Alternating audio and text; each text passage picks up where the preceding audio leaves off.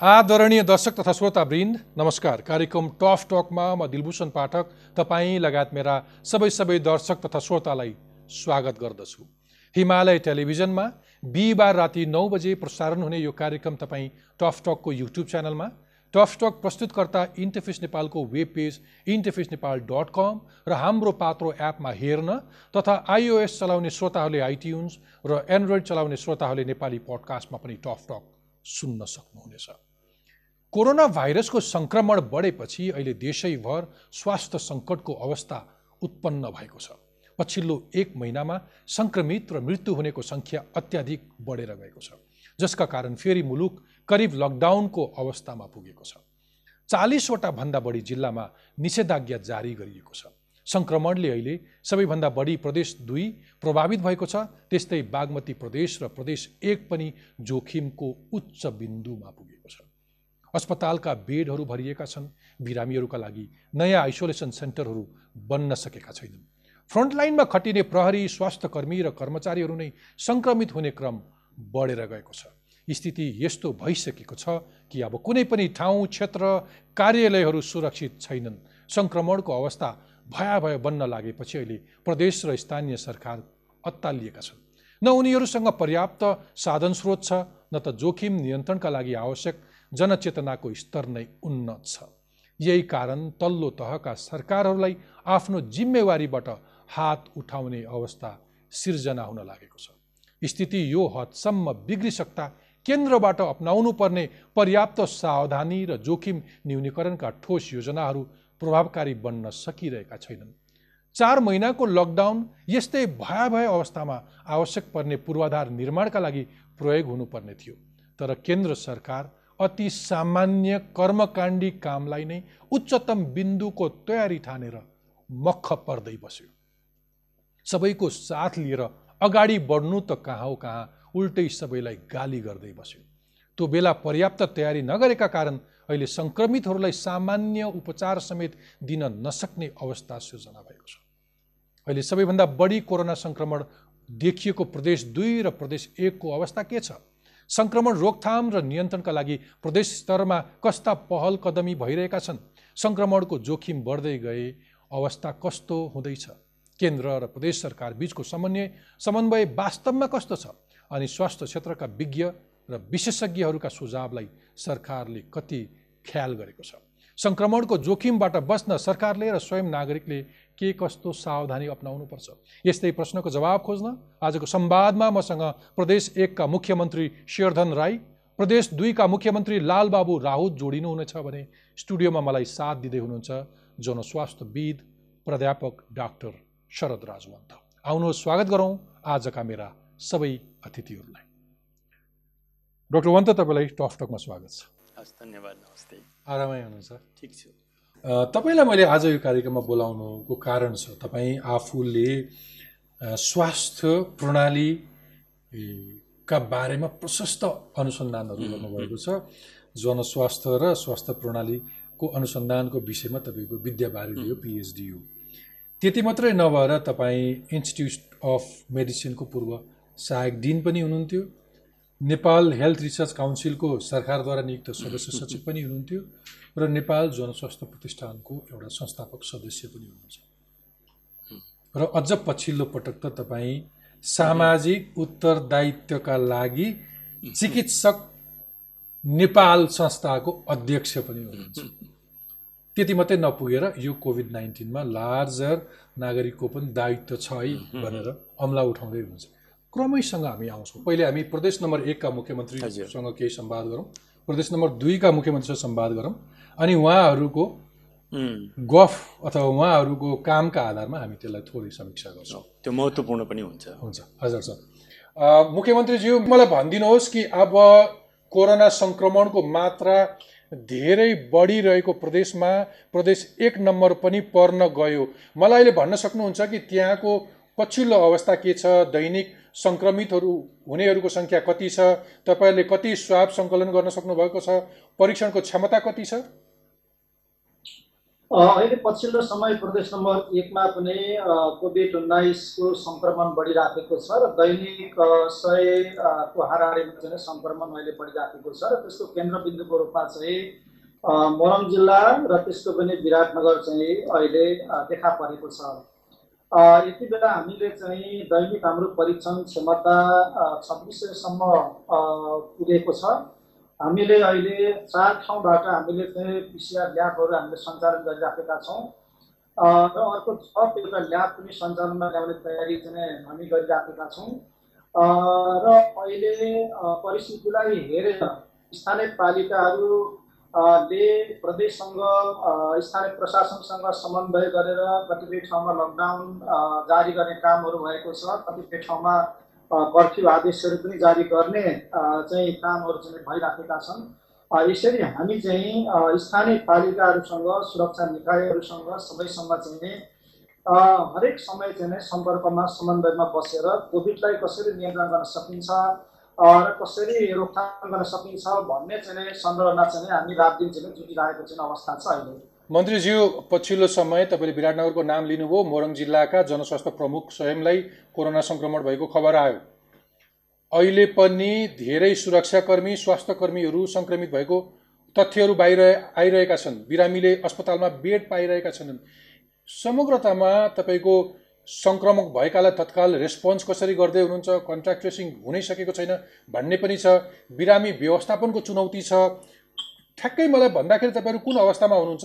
मलाई पोइन्टमा भनिदिनुहोस्। कोभिड उन्नाइसको रोकथाम यसको नियन्त्रण र उपचारमा हामी धेरै हदसम्म चाहिँ अब्बल मतलब व्यवस्थापनका साथमा हामी सुरुदेखि जुटेका थियौँ। नेपाल सरकारले लकडाउन चाहिँ अन्त्य भएको घोषणा गरिसके पश्चात एक्कासी सङ्क्रमण अलिकति बढ्यो र त्यो चाहिँ समुदाय तहमा चाहिँ देखियो अहिले हामीले चाहिँ दैनिक बल्ल चाहिँ परीक्षण हामीले पिसिआर टेस्ट हामी गरिराखेका छौँ। बहत्तर हजारभन्दा प्लस चाहिँ हामीले परीक्षण गरिसकेका छौँ। त्यो परीक्षण चाहिँ गर्दै गर्दा अहिलेसम्म तेइस सय पचपन्नजनामा चाहिँ यो परीक्षण अहिले हामीले चाहिँ सङ्क्रमण चाहिँ देखा परेको चाहिँ अवस्था छ। पन्ध्रजनाको चाहिँ ज्यान गएको चाहिँ अवस्था छ। यस प्रकार चाहिँ दैनिक बढिराखेको यो सङ्क्रमणलाई व्यवस्थापन गर्ने सन्दर्भमा अलिकति अहिले हामीलाई अलिकति अब गाह्रो जस्तो चाहिँ भइराखेको छ तर पनि यस बिचमा फेरि सिसिएमसीको चाहिँ बैठक हामीले प्रदेशको चाहिँ बसेर स्थानीय पालिकाहरूसँग चाहिँ समन्वय गरेर हामीले चाहिँ लगभग आठ सयको हाराहारीमा चाहिँ आइसोलेसन चाहिँ सेन्टरहरू वार्डहरू चाहिँ तयार गरेर मतलब कोभिडको लक्षण देखा परेको बिमारीहरूलाई हामीले लेभल मतलब चाहिँ पुरा थ्रीको अस्पतालमा लिएर जाने बाँकीलाई चाहिँ आइसोलेसन सेन्टरमा राख्ने गरिकनको तयारी हामीले चाहिँ गरेका छौँ र आत्तिनु पर्ने र आत्तिहाल्नु पर्ने विचलित भइहाल्नु पर्ने अवस्था छैन। हामी कोभिडलाई नियन्त्रण गर्न सक्ने एउटा सामर्थ्य त्यो योजना त्यो आत्मविश्वासका साथमा चाहिँ अहिले प्रदेश र स्थानीय पालिकाहरू हामी जुटिरहेका छौँ। अहिले मात्रै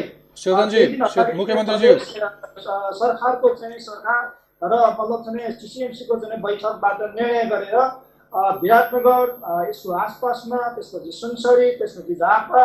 सबै जिल्लाहरूमा चाहिँ हामीले कम्तीमा सबै जिल्लामा जिल्ला अस्पतालमा दस दस बेडको चाहिँ आइसोलेसन वार्डहरू तयार गर्ने हामीले कुरा गऱ्यौँ।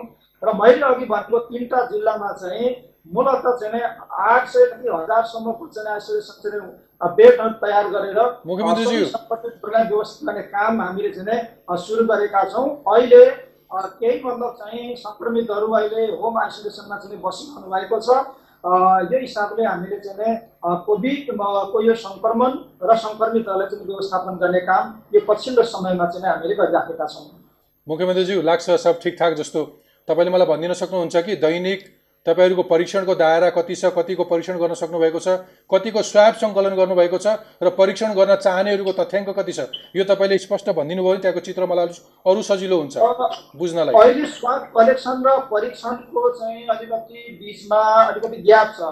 स्वाब कलेक्सन धेरै मात्रामा पनि भइराखेको छ तर हाम्रो क्षमता दैनिक अहिले चाहिँ पन्ध्र सय कम्तीमा अनि बढीमा छब्बिस सयसम्मको परीक्षण हामीले चाहिँ गरिराखेका छौँ दैनिक। यसो हुँदाखेरि चाहिँ स्वाब कलेक्सन बढी मात्रामा भइराखेको छ जस कारणले रिपोर्ट हामीले चाहिँ दिन ढिलाइ भइराखेको छ टर्म भएर बस्नुपर्ने खालको चाहिँ अवस्था छ। त्यसो हुँदाखेरि हामीले चाहिँ अब अरू ल्याबहरू थप्नुपर्ने चाहिँ आवश्यकतालाई हामीले चाहिँ महसुस गरेका छौँ र त्यसको तयारी पनि हामीले गरिरहेका छौँ ताकि परीक्षण गर्न चाहनेहरूलाई परीक्षण गर्न सकियोस्। त्यसपछि कलेक्सन भएको स्वाब चाहिँ समयभित्रै त्यसको चाहिँ रिपोर्ट दिन सकियोस् भन्नका निम्ति अहिले जुन बिचमा चाहिँ ग्याप थियो त्यो ग्यापलाई पुर्ताल गर्ने हिसाबले चाहिँ मुख्यमन्त्रीज्यू तपाईँलाई प्राविधिक अ, जनशक्तिलाई चाहिँ हामीले त्यस प्रकारको चाहिँ नै कुराहरू हामीले चाहिँ गरिसकेको अवस्था छ अहिले। किनभने हामीले लकडाउन लकडाउन लकडाउन भनेर चाहिँ सिधै देशलाई लकडाउनमा राखेर त मुलुक त चल्न सक्दैन।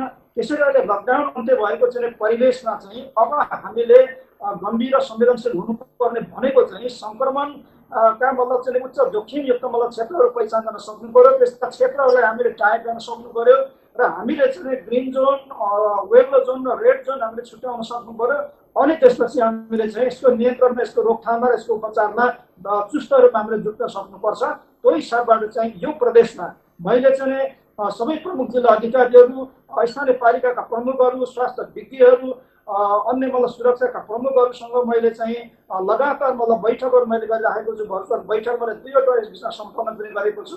त्यसो हुँदाखेरि चाहिँ हाम्रो बिचमा कुनै पनि मतलब चाहिँ समन्वयको अथवा चाहिँ सहकार्यको चाहिँ कुनै पनि प्रकारको ग्याप छैन हामी त्यो ग्याप गर्न दिँदैनौँ। यस प्रकार चाहिँ सानोतिर कमजोरीहरू हुन सक्छन्। किनभने यो त वातै मतलब नसोचेको हिसाबबाट चाहिँ बढेको अवस्था छ।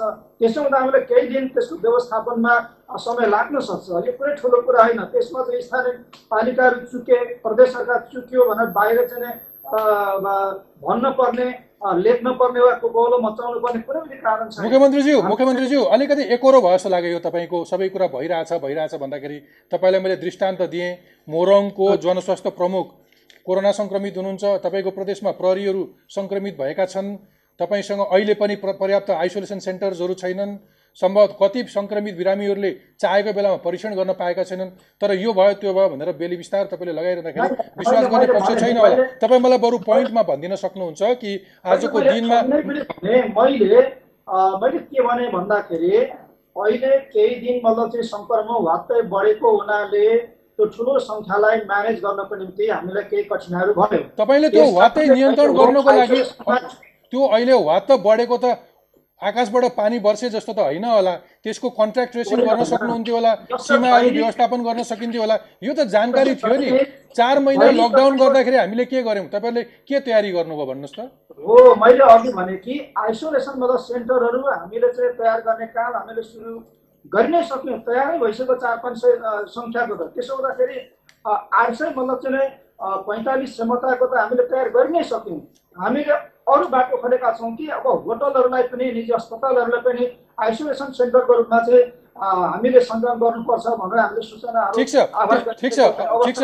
मुख्यमन्त्रीज्यू ठिक छ पोइन्टमा भनिदिनु अब सिधै यसलाई बिट मारौँ तपाईँलाई एउटा अन्तिम प्रश्न। पोइन्टमा तपाईँको प्रदेशका आम नागरिकलाई विश्वस्त पार्ने गरी तपाईँ यो कुरा भन्नुहोस् कि आगामी एक हप्ता दुई हप्ता महिना दिन तपाईँले यो निय यो सङ्क्रमणलाई नियन्त्रण गर्ने तपाईँको तयारीले के परिणाम दिन सक्छ? परिणाम के हुन सक्छ? म विश्वास दिलाउन सक्छु र म एकदम आत्मविश्वासपूर्वक म चाहिँ सम्पूर्ण प्रदेशवासी दाजुभाइ दिदीबहिनीहरू तपाईँले मिडिया मार्फतमा चाहिँ भन्न चाहन्छु कि हामीले बढीमा चाहिँ पन्ध्र दिनभित्रमा अहिलेको यो जुन खालको चाहिँ क्राइसिस छ त्यो भनेको चाहिँ आइसोलेसन मतलब चाहिँ सेन्टरको आइसोलेसन वार्डहरूको प्रोब्लम छ। अहिलेको जुन खालको दैनिक मतलब सयभन्दा बढीको सङ्क्रमण बढिराखेको छ जस कारणले हामीलाई त्यसको दबाव परिरहेको छ। तर अबको पन्ध्र दिनभित्रमा हामी सम्पूर्ण रूपमा किनभने यता होटल र निजी अस्पतालको कुरा पनि हामीले साथ दिने सूचना हाम्रो निकालेर प्रक्रिया अगाडि बढिसकेको छ।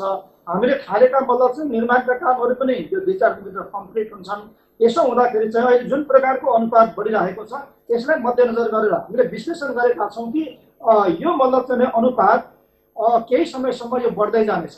हो यसलाई ध्यानमा राखेर त्यसै बमोजिमको चाहिँ व्यवस्थापनको चाहिँ हामी तयारी गर्छौँ र त्यसका चाहिँ तयारीका कामहरू सुरु भइसकेका छन्।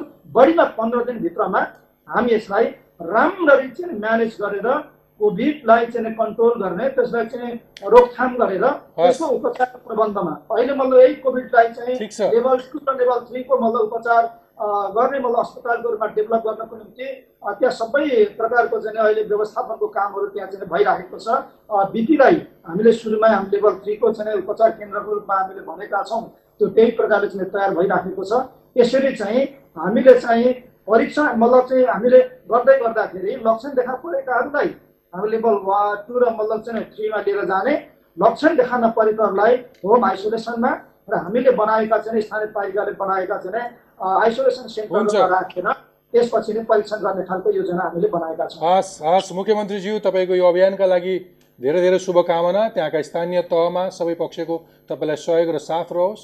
आम नागरिक जनताले त्यसमा सचेतना अप्नाउन्। तपाईँको समय र विचारका लागि धेरै धेरै धन्यवाद। मुख्यमन्त्री मुख्यमन्त्री शेरधन राई यसरी पनि केही तथ्यहरू राख्नुभयो कि यो स्वाभाविक रूपमा? बढ्ने चिज हो हाम्रो कन्ट्रोलभन्दा बाहिर जस्तो तर सावधानी तुलनात्मक हिसाबमा अरू प्रदेशभन्दा केही अप्नाइएको थियो होला तर पछि अलिकति आवत जावत बढेपछि सङ्क्रमणले बढी स्थान लियो अब हामी मुख्य नम्बर प्रदेश नम्बर दुई एउटा मात्रै कुरा के थियो भने जस्तो नेपालमा एक किसिमको क्लस्टर जुन सङ्क्रमण देखियो त्यो एक नम्बर प्रदेशमै देखिएको थियो पहिलोपल्ट। होइन त्यसले गर्दाखेरि एक नम्बर प्रदेश चाहिँ साँच्चै भन्ने हो भने अरू प्रदेशभन्दा बढी संवेदनशील हुनुपर्ने र तयारीमा अरूभन्दा चाँडो जुट्नुपर्ने थियो। र त्यहाँ चाहिँ अलिकति केही अलिकति अलिकति चुस्तीपनको चाहिँ कमी हो कि जस्तो मलाई लाग्छ। ओके। पछिल्लो पटक। सुरुमा त फेरि अलिकति ठिक ठिक ठिकठाकै लागिरहेको थियो। हुन्छ। दुई नम्बर प्रदेशका मुख्यमन्त्रीसँग कुरा गरौँ। मुख्यमन्त्रीज्यू अहिले मलाई भनिदिनुहोस् कि दुई नम्बर प्रदेश त अहिले हटस्पट बनेर आयो। पर्टिकुलरली कोरोनाले यसरी गाँज्यो कि वीरगन्जमा त एक किसिमको भया भया बिरामीले अस्पतालको ढोका ढकढकाउँदा पनि अस्पतालले ढोका नखोलिदिने अनि बिरामी अस्पताल चार्दा चार्दै मर्ने स्वाबहरू परीक्षण अथवा म कोभिड टेस्ट गर्छु भन्दा टेस्ट पनि गर्न नपाउने स्थिति देखियो। यो एकाएक यो सङ्क्रमणको दर कसरी हत्तै बढ्यो? अहिलेको पछिल्लो अवस्था के छ मुख्यमन्त्रीज्यू तपाईँको दुई नम्बर प्रदेशमा? यो यहाँले सोधेको यो सङ्क्रमणको अवस्था किन यति चाहिँ भयावह हो भन्ने सन्दर्भमा मलाई भन्नु पर्दाखेरि ए, खासमा भन्ने हो भने कि अहिलेको अवस्थामा जुन किसिमको पछिल्लो चरणमा गयो ए, बोर्डर अ, का अलिकता हामी हाम्रो सुरक्षा निकायबाट यहाँका अब जुन पहिले जुन गर्नुपर्ने जुन तयारी थियो बोर्डर बोर्डरलाई अलिकता बढी किसिमले सिल गरेर जाने ओहोर दोहोर मान्छे गर्दाखेरिको अवस्थामा अलिकता यसलाई चाहिँ व्यवस्थित गर्नुपर्ने त्यसमा चाहिँ अब कमी देखिएको कारणले नै वाद्य बढ्यो र यहाँले जुन प्रश्न गर्नुभयो कि निश्चित रूपमा भन्नुपर्दाखेरि हाम्रो समग्रतामा भन्दाखेरि प्रदेश सरकारको तर्फबाट अब भनौँ न अब वीरगन्जकै सन्दर्भमा कुरा गर्दाखेरि वीरगन्ज सेन्ट्रल हस्पिटल हुँदा हुँदै पनि हामी पहिलो उमै त्यो पिसिआर मेसिन स्थापनादेखि लिएर पटक पटक त्यहाँ आर्थिक सहयोग हामी गर्दै आएका छौँ। र यहाँले भने जस्तो पछिल्लो चरणमा के देखियो भने जसरी वात्तै बढिसकेपछि जुन किसिमका अब अब अस्पताल निजी अस्पतालहरू निजी मेडि मेडिकल कलेजहरूको जुन कपरेसन हुनुपर्छ त्यो कपरेसन पक्कै पनि त्यहाँ नभएको देखिन्छ। पछिल्लो चरणमा त हामी अब भनौँ न एउटा दुईटा हस्पिटल अब महानगरपालिकाकै अब प्रयासले महानगरपालिकाकै प्रयासले गण्डक हस्पिटल र पछिल्लो चरणमा अब हाम्रो र अब प्रशासनकै अब प्रयासले त्यहाँ चाहिँ अब ए, वीरगन्ज हेल्थ केयरबाट जसरी अहिले सर्भिस हामी त्यहाँ दिइराखेका छौँ। निश्चित रूपमा जसरी वात्तै बढेको छ त्यस अनुसारको सेवा दिनको लागि पनि केही मेडिकल के अरे निजी हस्पिटल्सहरू मेडिकल कलेजहरूको त्यसमा सक्रिय सहभागिता हुनुपर्छ। तथापि जुन मेडिकल कलेज र निजी अस्पतालहरूको जुन असहयोगको कारणले पनि त्यो देखियो। ओके मुख्यमन्त्रीज्यू अब यस्तो खालको सङ्क्रमण महामारीमा एकजनाले लत्तो छोड्ने बित्तिकै त्यसले भयावह रूप लिन्छ स्वाभाविक रूपमा। र कुनै कुरा नियन्त्रण गर्न अथवा सुधार्न बनाउनका लागि समयको सबैको सामूहिक दायित्व हुन्छ। मैले तपाईँलाई पोइन्टमा के सोध्न खोजेँ भने म गएको तिन महिना चार महिनादेखि तपाईँहरू सबैसँग संवादमा छु टफ टकमा। मलाई सम्झना छ चार महिना अगाडि वीरगन्जका मेयर विजय सरावगिरीसँग कुरा गर्दै गरेको थिएँ। तपाईँका महानधिवक्ता दिपेन्द्रजीसँग पनि कुरा गरेका थिएँ झाजीसँग पनि। त त्यतिखेर मलाई वीरगन्जका मेयरले के भन्नुभएको थियो भने सुरुमा पहिलो केस भेट्दाखेरि अब यो कुरा यसलाई नियन्त्रण गर्नको लागि आजदेखि नै कन्ट्याक्ट ट्रेसिङमा जोड दिनुपर्छ। आजदेखि नै अरू बन्दाबन्दी अथवा अरू सावधानीहरू अप्नाउनुपर्छ र परीक्षणको दायराहरू बढाउनुपर्छ यसका लागि अथवा क्वारेन्टिनहरू व्यवस्थित गर्नुपर्छ त्यो चाहिँ एउटा मेयरले गरोस् भनेर कसैले सोध्छ भने सिङ्गो देशको लाइफ लाइन सिङ्गो देशको एउटा व्यापारिक केन्द्र अति धेरै मान्छेहरूको चहलपहल हुने नागरिकहरूको चेतना स्तर पनि एउटा पक्ष होला। तर यसका लागि चाहिँ मलाई प्रदेश सरकारको पनि भूमिका चाहिन्छ केन्द्र सरकारको पनि भूमिका चाहिन्छ भनेर उहाँले कल गर्ने। उहाँ अघिल्लो हप्ता मेरो संवादमा आएर उहाँले के भन्नुभयो भने प्रदेश सरकार र केन्द्र सरकारले मेरो कुरा सुनेन भनेर भन्नुभयो। फेरि दुई हप्ता अगाडि एक हप्ता अगाडि स्वास्थ्य मन्त्रीले यही कार्यक्रममा अगाडि मेरो अगाडि बसेर उहाँले के भन्नुभयो भने पिसिआर हामीले मेसिन समयमा पठायौँ त्यो पिसिआर वीरगञ्ज पठाएको त्यो त्यो कहाँ जनकपुर पुगेर कति दिन चाहिँ एकातिर एक एक ठाउँमा केही पाठ पूर्जा केही पाठ पूर्जा अर्को ठाउँमा भनेर दोष लाउँदै हुनुहुन्थ्यो। यो कतै तपाईँहरूको इगोका कारणले गर्दाखेरि अथवा निजी अस्पतालको असहयोग हो भने पनि तपाईँहरूको प्रपर समन्वयका कारणले गर्दाखेरि अथवा अलिक बढी प्रोएक्टिभ हुन नसक्दाखेरि यो स्थिति आएको हो जस्तो लाग्छ कहीँ कतै? होइन पहिले त मैले चाहिँ अब वीरगञ्ज महानगरपालिकाले आफ्नो प्रयासबाट गरेको कामलाई म चाहिँ वेलकम नै गर्छु उनका कामलाई चाहिँ एप्रिसिएट नै गर्छु। म त्यहाँ मलाई कमेन्ट गर्नु छैन। तथापि के गर्नु पर्यो भने एउटा मात्र अब कति भनसुन गरेर एउटा मात्र मेसिन पठाएको। पठाउने काम त अब केन्द्रबाट हो। केन्द्रले आधा आधी सामान चाहिँ अब जनकपुर पठाइदिने आधी वीरगञ्ज पठाइदिने पठाउने पठाउने ठाउँबाट नै यो नियन्त्रण र निर्देशित हुनुपर्छ नि त। किन पठाउने बेलामा चाहिँ अब आधी वीरगञ्ज पठाइदिने आधी जनकपुर पठाइदिने? हामीले पछिल्लो चरणमा एउटा मात्र जाबो मेसिन बाहेक के गरेका छौँ? पछिल्लो चरणमा मलाई लाग्छ दुई हप्ता भयो सात करोड रुपियाँ आएको छ। त्यो अब अहिलेको अवस्थामा भन्नु पर्दाखेरि जहाँ चाहिँ हामी दुई दुई चोटि अब भनौँ न अब कतिचोटि हामी राहत पात वितरण गर्नेदेखि लिएर कृषकका किसानका चाहिँ अब भनौँ न अब त्यहाँ चाहिँ इन्ट्रेस्ट माफीदेखि लिएर अब हामी अहिले अहिले तपाईँले भन्नुहोस् एउटा त्यो बाहेक के गरेका छन् त?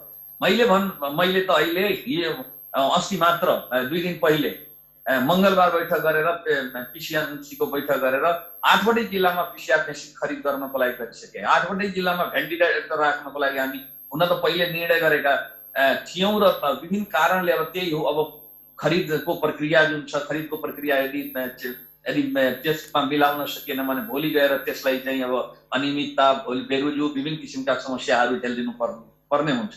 त्यसैले हामी आफ्नो तर्फबाट मैले भन्नु पर्दाखेरि अब अहिले यो अवस्थामा कसैलाई आरोप प्रत्यारोप गर्नुभन्दा पनि मैले के बुझेको छु भने जुन किसिमका निजी अस्पतालहरूलाई सङ्घीय सरकारको निर्णय गरेर नियन्त्रण गर्नुपर्ने हो। हाम्रो नियन्त्रण हामी त गरेका छौँ।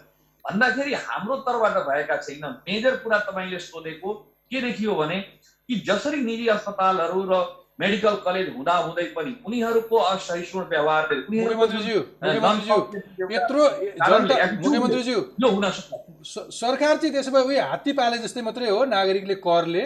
उही निजी क्षेत्रले नै ध्यान दिनुपर्ने सबै। पहिलो कुरा तपाईँहरू निजी क्षेत्रलाई समन्वय पनि गर्न नसक्ने। त्योभन्दा पहिले त तपाईँले आफ्ना सरकारी संयन्त्रहरू पनि त प्रयोग गर्न सकिन्थ्यो परिचालन गर्न सकिन्थ्यो। कोरोना नियन्त्रणका लागि का हिजो मात्रै हिजो मात्रै कोरोना नियन्त्रणमा काम गरिरहेका नागरिक अस्पतालका medical superintendent superintendent doctor Madan उपाध्यायलाई मन्त्रालय सरुवा गरिएको छ। सरकारी सरकारी समन्वय संयन्त्रहरूलाई नै पनि प्रपरली परिचालन गर्न सकिएको अवस्था हो। छ त्यस्तो? एउटा कुरा तपाईँ के बुझाउनु भयो वीरगञ्जकै सन्दर्भमा भन्ने भने एउटा नारायणी हस्पिटल त्यो मात्र सरकारी हो त्यो पनि सेन्ट्रल हस्पिटल त्यो पनि मदन उपाध्यायलाई सरुवा गर्दाखेरि प्रदेश सरकारसँग न कुनै समन्वय गरियो न कुनै सहकार्य गरियो। विभिन्न किसिमका त्यहाँका अब प्रमुख जिल्लाधिकारीलाई पनि सरुवा गर्दाखेरि हामीसँग कुनै किसिमको समन्वय र कुनै किसिमको उ पनि गरिएन। भन्दाखेरि अहिले तपाईँले भने जस्तो हाम्रै अब मन्त्रालयका सचिव जुन यति राम्रा काम गरिरहेका थिए रामप्रसाद घिम्रे थिए उनलाई हामीलाई नसोधिकन सरुवा गरिदियो भन्दाखेरि यो तपाईँको हक तपाईँलाई यो भन्नु पर्दाखेरि म यो भन्छु कि जुन किसिमका समन्वय हामीसँग गरौँ हाम्रै सचिवलाई मानौ कि उनका कुनै अब विभागका अब सङ्घीय सरकारको विभागमा खटेको कर्मचारी यो मन यो विभागबाट उठाएर त्यो अर्को विभागमा राखिदिए जस्तो व्यवहार अब तपाईँले जसरी राख्नुभयो मदन उपाध्यायलाई सरुवा गर्दाखेरि हामीसँग कुनै समन्वय गरिया छैन तथापि के देखियो भने अब नारायणी उपक्षेत्रीय अस्पताल एक मात्र अस्पताल त्यो पनि सेन्ट्रल अस्पताल। त्यो चाहिँ दिनहुँ अब चार जिल्लाको चाहिँ अब त्यो भनौँ न अब विभिन्न किसिमका अब नन कोभिडका पेसेन्टहरू त त्यहीँ जान्छ। विभिन्न किसिमका अब रोगीहरू डायलिसिसदेखि लिएर हार्टकादेखि लिएर डेलिभरीसम्म पेसेन्टहरू त्यहीँ जाने हो। भन्दाखेरि यो अवस्थामा निजी अस्पतालले कपरेसन नगरेपछि निजी के निजी मेडिकल कलेज निजी अस्पतालले सरकारी उमा छुटमा उसले चाहिँ विभिन्न किसिमका इक्विपमेन्ट्स मगाउने विभिन्न किसिमको सुविधा लिने। करोडौँ कमाउने। भने? कमाउने। तर यो महामारीको समयमा यो महामारीको समयमा हातमा यो चाहिँ विभिन्न बहाना बनाएर। चाहिँ यो चाहिँ असहयोग गर्ने। होइन होइन जवाबदेहिता त सबैको छ। तपाईँसँग मात्रै मैले प्रश्न गरेको। कुनै समय लालबाबु राउतजी दुई नम्बर प्रदेशको मुख्यमन्त्री तपाईँले केन्द्र सरकारलाई हाँक्नुहुन्थ्यो कि हामी हामीले स्वायत्त रूपमा काम गर्न देऊ? तिमी त्यहाँबाट तिमीले हामीलाई खटाउने होइन भनेर भन्ने मान्छे आज यो सङ्क्रमण फैलिँदाखेरि केन्द्रलाई देखाउँदाखेरि कहीँ तपाईँले अघिल्लो पटक गरेको अभिव्यक्तिलाई अलिकति विरोधाभास भएन? अथवा काहीँ आफ्नै तहबाट आफैले अलिक बढी प्रपरली समन्वय गर्न नसकेको अलिक बढी साधन स्रोतहरू परिचालन गर्न नसकेर पो यो भयावह स्थिति आयो कि? ए एउ- एउ- एउटा कुरा म भन्नु।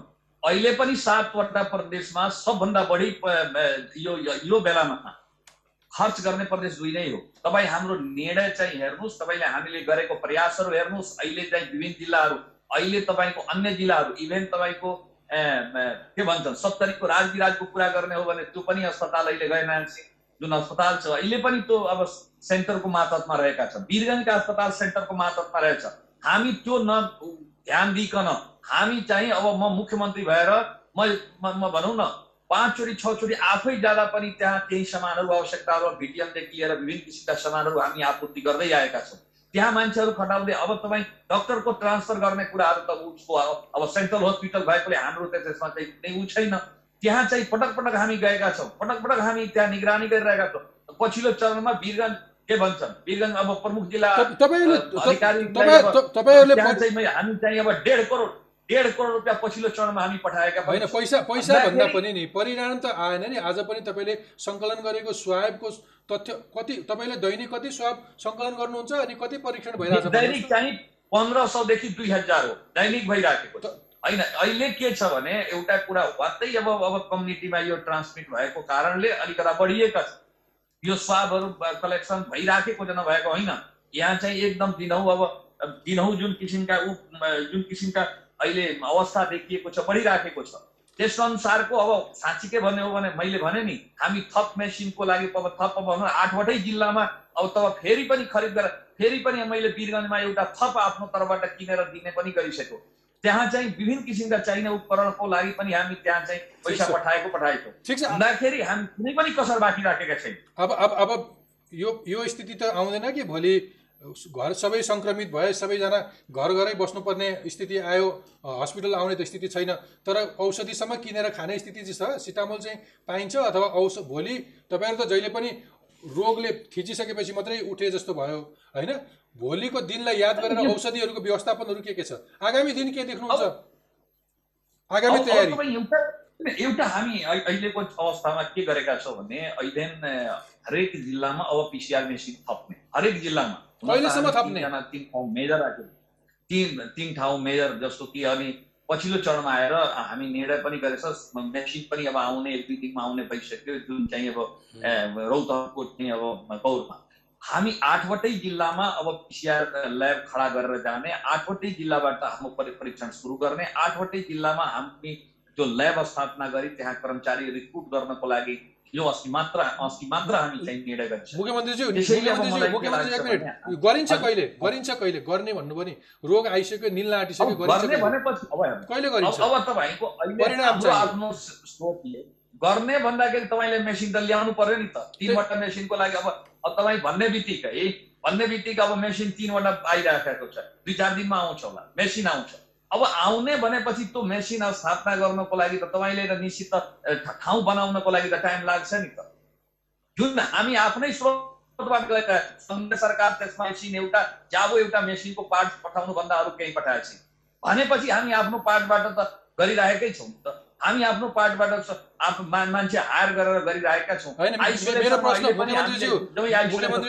जम्मै आइसोलेसनमा हामी आफ्नै हिसाबले आफ्नो खर्च व्यवस्थापन गरिरहेका छौँ। मेरो प्रश्न के भने यो यो यो चेत अहिले आउनुको सट्टा चार महिना अगाडि त्यत्रो लकडाउन थियो। सिङ्गो संसार चाहिँ कोरोनाको सङ्क्रमणमा थियो। इन्डियामा तपाईँले त्यो परिस्थिति देख्नु भएको थियो। सीमासँग जोडिएको ठाउँ भोलि हामी त्यो सङ्क्रमणमा पर्छौँ भन्ने केही अनुमान भएन त्यति बेलामा एउटा एउटा कुरा म तपाईँलाई सोध्छु। अहिले चाहिँ एक त के गरिहाल्छ भने संघीयता कसरी समाप्त होस् भन्ने षड्यन्त्रमा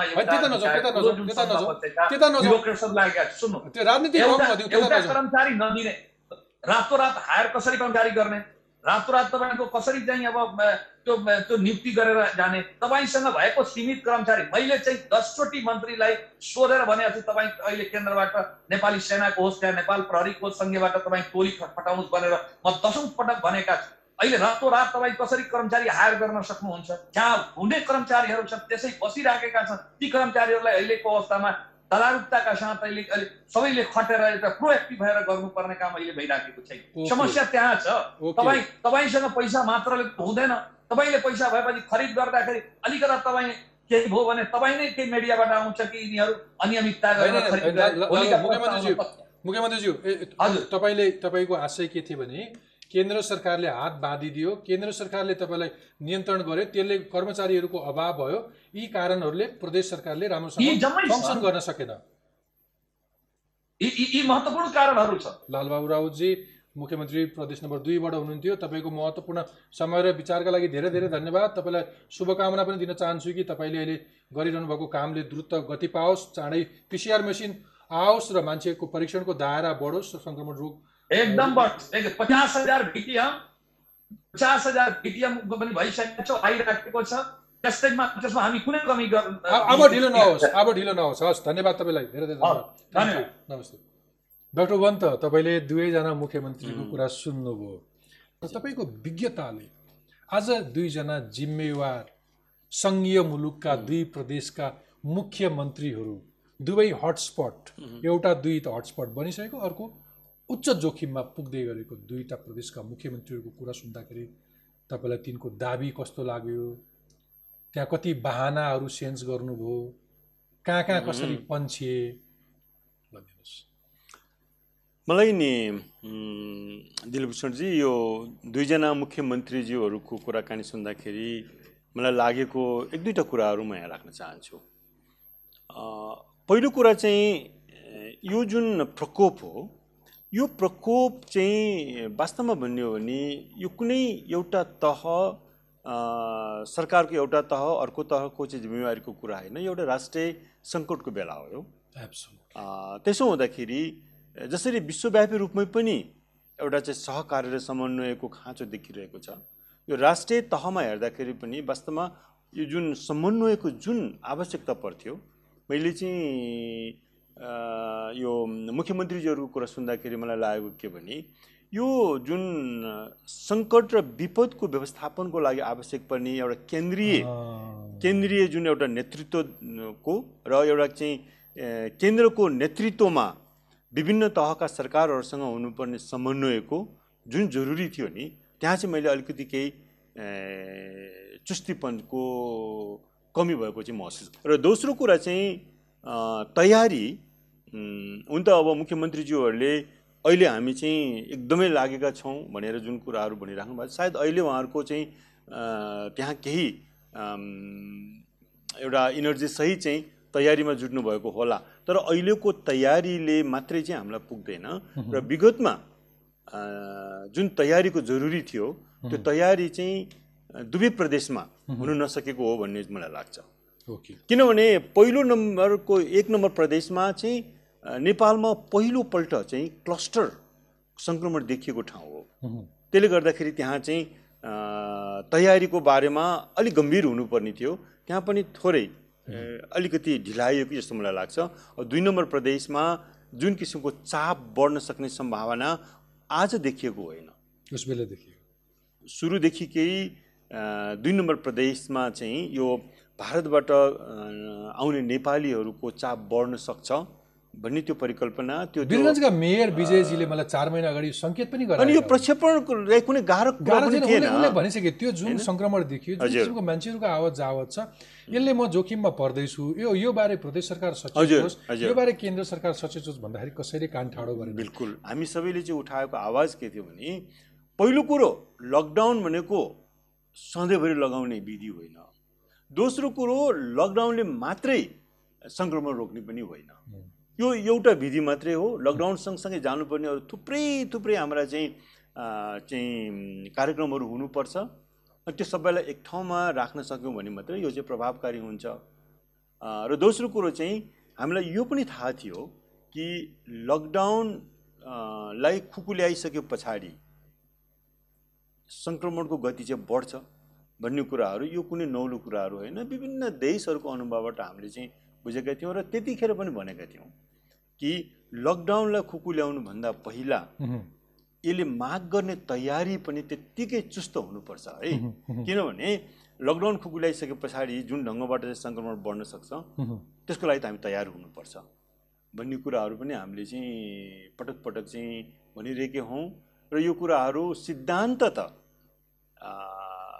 नेपाल सरकारले स्वीकारेको पनि हो। तर त्यसको चाहिँ कार्यान्वयनको पाटोमा र सही अर्थमा तयारीको पाटोमा चाहिँ केही कमी चाहिँ रहेको छ ओके मैले त्यसो तपाईँको कुरामा म यसलाई फुटाउन आग्रह गर्छु। अहिले अहिले के भयो भने यो हरेक विपदमा कसैको राजनीतिक स्वार्थ पनि हुँदो रहेछ राजनीतिक भाषा पनि बोल्दो रहेछ त्यसमाथि कसैले विपदलाई कमाउने भाँडो पनि बनाउँदो रहेछन् भन्ने अनेक त्यस्ता अनेक टिप्पणीहरू भए। सरकारले दाबी गरिरह्यो हामीले भरपुर प्रयत्न गरिरह्यौँ। भनेर नागरिक समाजका तर्फबाट दोष लागिरह्यो कि तिमीले राम्रोसँग सम्बोधन गर्न सकेनौ भनेर। स्थानीय सरकारको प्रदेश सरकारको त्यति धेरै गुनासो छ। एउटा जनस्वास्थ्य विज्ञ कोरोना सङ्क्रमणका कारण अनाहक अथवा कोही सङ्क्रमण भएको शङ्कामा मात्र अथवा त्यसको बाहनामा मात्रै पनि अरू कुनै रोग लागेर ज्यान गुमायो। यी सबै मर्ने ज्यान गुमाउने यी मान्छेहरूलाई सम्झेर तपाईँले भन्नुहोस् त कमजोरी कहाँनिर भयो? कुनै आग्रह पूर्वाग्रह बिना साँच्चै कुनै मान्छेले यो कुरा सुन्दाखेरि अनुभूति होस् र भोलि एउटा चेत आओस्। हामी हाम्रो कमजोरी कहाँ छ? होइन यो चाहिँ यो पनि सायद यो पहिलोपल्ट बोलिरहेको जस्तो मलाई लाग्दैन यो भोइस पनि यो आवाज पनि। र अब मलाई चाहिँ यहाँ अहिले के कुरा स्मरण गर्न मन लाग्यो भने सुरुको दिनमा धेरै धेरै अगाडिको कुरा हो। जतिखेर सायद हामीले लकडाउन पनि सुरु गरिसकेका थिएनौँ त्यति नै खेर एउटा आवाज सशक्त रूपमा चाहिँ हामीले राख्ने प्रयास गऱ्यौँ। त्यो आवाज के थियो भने जुनसुकै सङ्ख्यामा होस् जुनसुकै आयतनमा होस् त्यो कुन सङ्ख्यामा भोलि बढ्छ त्यो एउटा पाटो तर कम्तीमा पनि सिद्धान्त त यो कोभिड सङ्क्रमित बिरामीहरूको लागि चाहिँ एउटा विशिष्ट डेडिकेटेड अस्पताल चाहिन्छ। होइन? र अरू त्यो डेडिकेटेड अस्पताल एकदमै सोफिस्टिकेटेड नै हुनुपर्छ भन्ने जरुरत छैन। किनभने सङ्क्रमितहरू चाहिँ विभिन्न चरणबाट गुज्रिएका हुन्छन्। र बहुसङ्ख्यक सङ्क्रमितहरूको कुनै लक्षण हुँदैन। तिनलाई आइसोलेसनमा बस्दै पुग्छ। उनीहरूलाई चाहिँ एउटा सुधारिएको क्वारेन्टाइन भए आइसोलेसन बनाउन सकिन्छ। होइन? र केही सामान्य लक्षण भएका बिरामीहरू जुन सङ्ख्यामा हुन्छ उनीहरूलाई चाहिँ राख्ने र अलिकति गम्भीर प्रकृतिको चाहिँ सङ्क्रमितहरूलाई राख्नको लागि डेडिकेटेड हस्पिटल जरुरत हुन्छ। यो भन्नुको पछाडि दुईवटा कारण थियो। एउटा कारण हामी व्यवस्थापनको हिसाबले पनि त्यो बढी सहज हुन्छ। सुरक्षाको हिसाबले पनि त्यो बढी सहज हुन्छ। किनभने एक ठाउँमै हामी चाहिँ कन्सन्ट्रेट हुन्छौँ। र दोस्रो कुरा चाहिँ कम्तीमा अरू अस्पतालहरूले चाहिँ कोभिड बाहेकका स्वास्थ्यका समस्याहरूलाई सम्बोधन गर्नुको लागि चाहिँ खुला हुन्छ। यो दुई यो यी कारणहरूले गर्दाखेरि डेडिकेटेड हस्पिटलको हामीले परिकल्पना गरेका हौँ किनभने धेरै मुलुकहरूले यो अभ्यास गरेका थिए। तर तर आजको यो भयावह देख्दाखेरि एउटा जनस्वास्थ्य विज्ञले दिने सुझाव मुलुकको प्रधानमन्त्री बस्नु भएको छ यहाँ।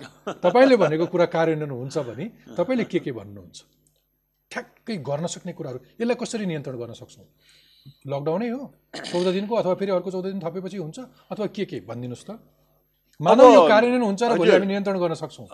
अब अहिले चाहिँ के देखिन्छ भने अहिलेको जुन किसिमको स्थिति आयो त्यो स्थितिको लागि चाहिँ सायद हामीले फेरि पनि यो नागरिकहरूको गतिविधि र मोबिलिटीलाई चाहिँ नियन्त्रण गर्नु जरुरी छ। एब्सोल्युट होइन त्यो जरुरी छ। त्यसमा तपाईँको नागरिक दायित्वमा म एकछिन आउँछु फेरि। अझ महत्त्वपूर्ण ओके, ओके। तर सरकारी संयन्त्रबाट गर्ने कुरा चाहिँ अब पहिले के गर्नु पर्यो नागरिकको चहल पहल आवाजातलाई लाई चाहिँ पुरै नियन्त्रण गर्नु पर्यो। कन्ट्याक्ट हुन दिनु भयो। भएन। होइन अब त्यसको लागि विधि भनेको त अहिले लकडाउन भनौँ या चाहिँ निषेधाज्ञा भनौँ एउटा होइन? पहिलो उत्तम. उपाय हामीले अप्नाइरहेका छौँ सङ्क्रमणको जोखिमबाट बस्नको लागि। तर दोस यो सँगसँगै चाहिँ अत्यन्तै महत्त्वपूर्ण कुरा चाहिँ म यसैसँग जोडेर मात्रै भन्न चाहन्छु कि फेरि पनि अरू प्रावधानहरूलाई अरू विधिहरूलाई चाहिँ हामीले यतिखेर फेरि पनि व्यवस्था गऱ्यौँ भनेदेखि यो पनि त्यति प्रभावकारी हुने स्थिति आउँदैन। दोस्रो कुरा तेस्रो बुन्दा चाहिँ यो बहुत जरुरी छ कि फेरि पनि आजको स्थिति भनेको हिजोको जस्तो चार महिना लम्ब्याउने कुरा होइन। र चार महिना लम्ब्याएर पनि यसको चाहिँ अर्थपूर्ण हुँदैन। यदि हामीले यसलाई प्रभावकारी ढङ्गबाट अरू विधिहरूलाई चाहिँ उपयोग गर्न सकेनौँ भने त्यसैले यति नै खेर अब तुरुन्तै सोचिहाल्नु पर्यो कि यसलाई फेरि खुकुल्याउँदाखेरि हाम्रो के तयारी हुनुपर्छ? तयारी भएको भए सायद आज यो स्थिति आउने थिएन त्यसैले आजकै दिनदेखि नै अत्यन्तै महत्त्वपूर्ण बुन्दा भनेको हामीले यो कति दिन लम्ब्याउने जस्टिफिकेसन सहित र योलाई खुकुल्याएको दिनको आउन सक्ने सम्भावित स्थितिलाई चाहिँ कसरी सम्बोधन गर्ने? One hand lockdown the other hand के। एक्टिभिटिजहरू तयारीहरू त्यो एउटा कुरा। र दोस्रो कुरा हामीले जुन सुरुको लकडाउनमा अलिकति व्यवस्था गरेको चाहिँ मलाई के लाग्छ भने आम नागरिकहरूको दायित्वको भूमिका अथवा आम नागरिकहरूको भूमिकाको बारेमा हामीले मात्रै के भने यो विद्युतीय प्रणालीबाट यो गर त्यो गर त्यो गर त हामीले धेरै भन्यौँ। तर जनताको प्रत्यक्ष सहभागिताको प्रयासको लागि चाहिँ हामीले धेरै पहलहरू गरेनौँ। गरेनौँ। है?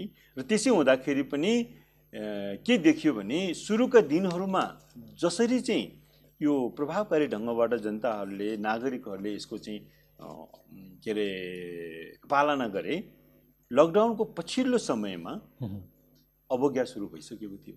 बिल्कुल। किनभने एउटा महत्त्वपूर्ण पाटो लकडाउनले मात्रै यो खालि यो सङ्क्रमणको चेनलाई ब्रेक गर्ने होइन लकडाउनले अरू पनि थुप्रै अप्ठ्याराहरू सिर्जना गर्छ र त्यो अप्ठ्याराहरूलाई पनि सरकारले चाहिँ सम्बोधन गर्न सकेन भने जनतालाई यो गर त्यो गर अथवा यो नगर त्यो नगर भनेर आदेश मात्रै दिएर त्यसलाई पालना गर्नलाई बहुत कठिन हुन्छ। अ, त्यसकारण यसको तयारी र यो अप्ठ्यारालाई सम्बोधन गर्ने पनि दायित्व सरकारकै हुनुपर्छ जस्तो मलाई लाग्छ। ओके अब अघि तपाईँले मैले भने जस्तै यो कुरा यसरी भन्नुहोस् कि मुलुकको कार्यकारिणी बसेर चाहिँ भोलि लागु हुन्छ भने जस्तै अब आम नागरिक म नागरिकको। तहमा चाहिँ जहिले पनि मेरो संवादमा के गर्छु भने जहिले पनि हामी जिम्मेवार भनेको राज्यको तह अथवा अर्को। कुनै निकाय भन्छौँ तर म हरेक पटक प्रश्न उठाउने मेरो कार्यक्रममा कि सबभन्दा बढी जवाबदेहिता एउटा नागरिकको तहबाट हुन्छ। सिङ्गो सिस्टमलाई उसले प्रश्न उठाउने सिङ्गो सिस्टमलाई ठाउँमा राख्न एउटा नागरिकको भूमिकाले अर्थ राख्छ। एउटा नागरिकले को पहलबाट सुरु भएका ठुल्ठुला आन्दोलनले सरकार फेरिएका छन् व्यवस्था फेरिएका छन् ठुल्ठुला परिवर्तनहरू भएको छन्। अब मलाई भनिदिनुहोस् यो कोरोना सङ्क्रमणमा कति मधेसका क्षेत्रमा अथवा कति ठाउँमा कति समुदायमा स्थानीय जनप्रतिनिधिहरूले गुनासो पनि गरे कि हामीले नागरिकलाई नियन्त्रणै गर्न सकेनौँ। नागरिकहरूले यो चेतनै जगा महसुस गर्न सक्नु भएन कि उहाँको भूमिका हुन सक्थ्यो यो रोग सार्नलाई यो सम्पर्कको चेन हटाउनको लागि। तपाईँको बुझाइ के छ? नागरिकको दायित्व यहाँनिर कहाँ हुन्छ? नागरिकको चाहिँ असाध्यै ठुलो चाहिँ एउटा चाहिँ दायरा छ। नागरिक भन्नाले को भन्ने कुरा? र दोस्रो कुरा चाहिँ म यहाँ के गर्न चाहन्छु? नागरिकको भूमिकाको कुरा गर्दाखेरि म चाहे पाँचवटा कुरा राख्न चाहन्छु। है? सबभन्दा पहिलो महत्त्वपूर्ण पाटो नागरिकको दायित्वभित्र पर्ने भनेको ऊ आफू सुरक्षित हुने। आफू सुरक्षित हुनको लागि नागरिकले आफ्नो विवेकलाई चाहिँ एक- एकदमै विशेष प्रयोग ध्यान गरौँ दिनु पर्यो। होइन? दोस्रो उसको दायित्व भनेको आफू मात्रै सुरक्षित हुने होइन? अरूलाई सुरक्षित बनाउनको लागि पनि उसको भूमिका हुन्छ। त्यो असाध्यै महत्त्वपूर्ण भूमिका हो। किनभने यदि उसको लापरवाहीले अरू असुरक्षित हुन्छन् भने त्यो भूमिका। आफू मात्रै सुरक्षित भएर एकदम स्पष्ट। छ एकदम स्पष्ट छ। र तेस्रो? कुरा सङ्क्रमित भएको खण्डमा सेवाको चाहिँ खोजी गर्ने र अरूलाई सेवा उपलब्ध गराउनको लागि सहयोग गर्ने नागरिकको भूमिकाभित्र पर्छ। अत्यन्तै महत्त्वपूर्ण भूमिका। मलाई चाहिँ के बिरामी भयो भने म घरभित्र बसिरहने कुरा मात्रै होइन। किनभने त्यसले चाहिँ अरूलाई जोखिममा पार्न सक्छ। चौथो? र चौथो चाहिँ अहिले यतिखेर वास्तवमा भन्ने हो भने सङ्क्रमितको विरुद्ध सङ्क्रमितको मात्रै होइन सङ्क्रमणमा जोखिम भएकोहरूको विरुद्ध पनि जुन किसिमको विभेद छ जुन किसिमको डिस्क्रिमिनेसन छ र स्टिकमा जुन किसिमको चाहिँ अहिले हामीले देखिरहेका छौँ त्यसको आफू चाहिँ विभेद नगर्ने मात्रै होइन त्यो विभेदको विरुद्धमा। आवाज पनि उठाउने। असाध्य मतलब पाँचौँ एउटा बुन्दा भनेको चाहिँ अब खालि हामीले चाहिँ सरकारले यो गर त्यो गर भनेको ठाउँमा त्यसलाई कम्प्लाई त गर्ने राम्रो कुरामा तर आफूलाई चित्त नबुझेको कुराहरू आफ्ना मागहरू आफ्ना चाहिँ हकका कुराहरू चाहिँ सरकारसँग माग्नु पनि उसको दायित्व हो। र त्यो भनेको फेरि अब नागरिकको कुरा गरेको हुनाले चाहिँ मैले यहाँ भन्न खोजेको त्यो व्यवस्थित सङ्गठित हुनु पर्यो। यो आफ्नो हकको कुरा गर्दाखेरि अब नागरिकको आवाज एउटा सिङ्ग एउटा राष्ट्रको सीमामा मात्रै सीमित हुँदैन। अब अन्तर्राष्ट्रिय तहमा पनि नागरिकहरूले आवाज उठाउनु भोलि यसको विरुद्ध खोप बन्ला। त्यो खोप चाहिँ हाम्रो हक हाम्रो चाहिँ पहुँचमा पर्छ कि पर्दैन भन्ने कुराहरू सरकारले मात्रै बोल्ने होइन अब नागरिकले बोल्नु पर्यो। त्यसैले अबको नागरिकको दायित्व चाहिँ एउटा के अरे देशभित्र त रहने नै भयो। एक किसिमले भने क्षेत्रीय अन्तर्राष्ट्रिय तहमा पनि नागरिकहरूको आवाज चाहिँ अब सशक्त हुनु पर्यो। यो हामीले विगतमा अरू रोगका प्रकोपहरूबाट पनि सिक्नुपर्छ। उदाहरण दिने हो भने आजभन्दा करिब करिब तिन दशक अगाडि एचआइभी एड्सको प्रकोप जब हामीले चाहिँ भोग्यौँ त्यतिखेर नागरिकको आवाज अत्यन्तै सशक्त र महत्त्वपूर्ण थियो। सम्झिन्छु त्यतिखेर तपाईँ एचआइभी एड्स नियन्त्रणका लागि म चाहिँ बोर्डमा। तपाईँ एक्जिक्युटिभ चिफ हुनुहुन्थ्यो। High level. पोलिसी एडभाइजरी बोर्डमा पनि हुनुहुन्थ्यो र नेपालमा पहिलो एचआइभीको सङ्क्रमण पहिचान भएदेखिको चाहिँ के अरे म त्यसमा संलग्न भएको र त्यो बेलामा त्यो एचआइभी एड्सका बारेमा तपाईँहरूले आयोजना गरेको सेन्सिटाइज गर्ने मिडिया पर्सन्सहरूले सेन्सिटाइज गरेको। कुनै कार्यशाला धेरै कुराहरू थिए त्यो त ठुलो ठुलो ठुलो होइन त्यसकारण त्यो कुरा चाहिन्छ कुनै पनि महामारी नियन्त्रण मैले। चाहिँ। स्मरण गर्न चाहेको हो त्यसैले नागरिकको भूमिका अत्यन्तै महत्त्वपूर्ण छ डाक्टर साहब तपाईँको महत्त्वपूर्ण समय र विचारका लागि म कृतज्ञ छु र त्यसमा पनि। पर्टिकुलरली नागरिकको पाँचवटा दायित्व जुन जगाइदिनु भयो मेरा मे- म मेरा आम दर्शक श्रोतालाई तीप्रति अलिकति सचेत र सजग रहन आग्रह गर्छु धेरै धेरै धन्यवाद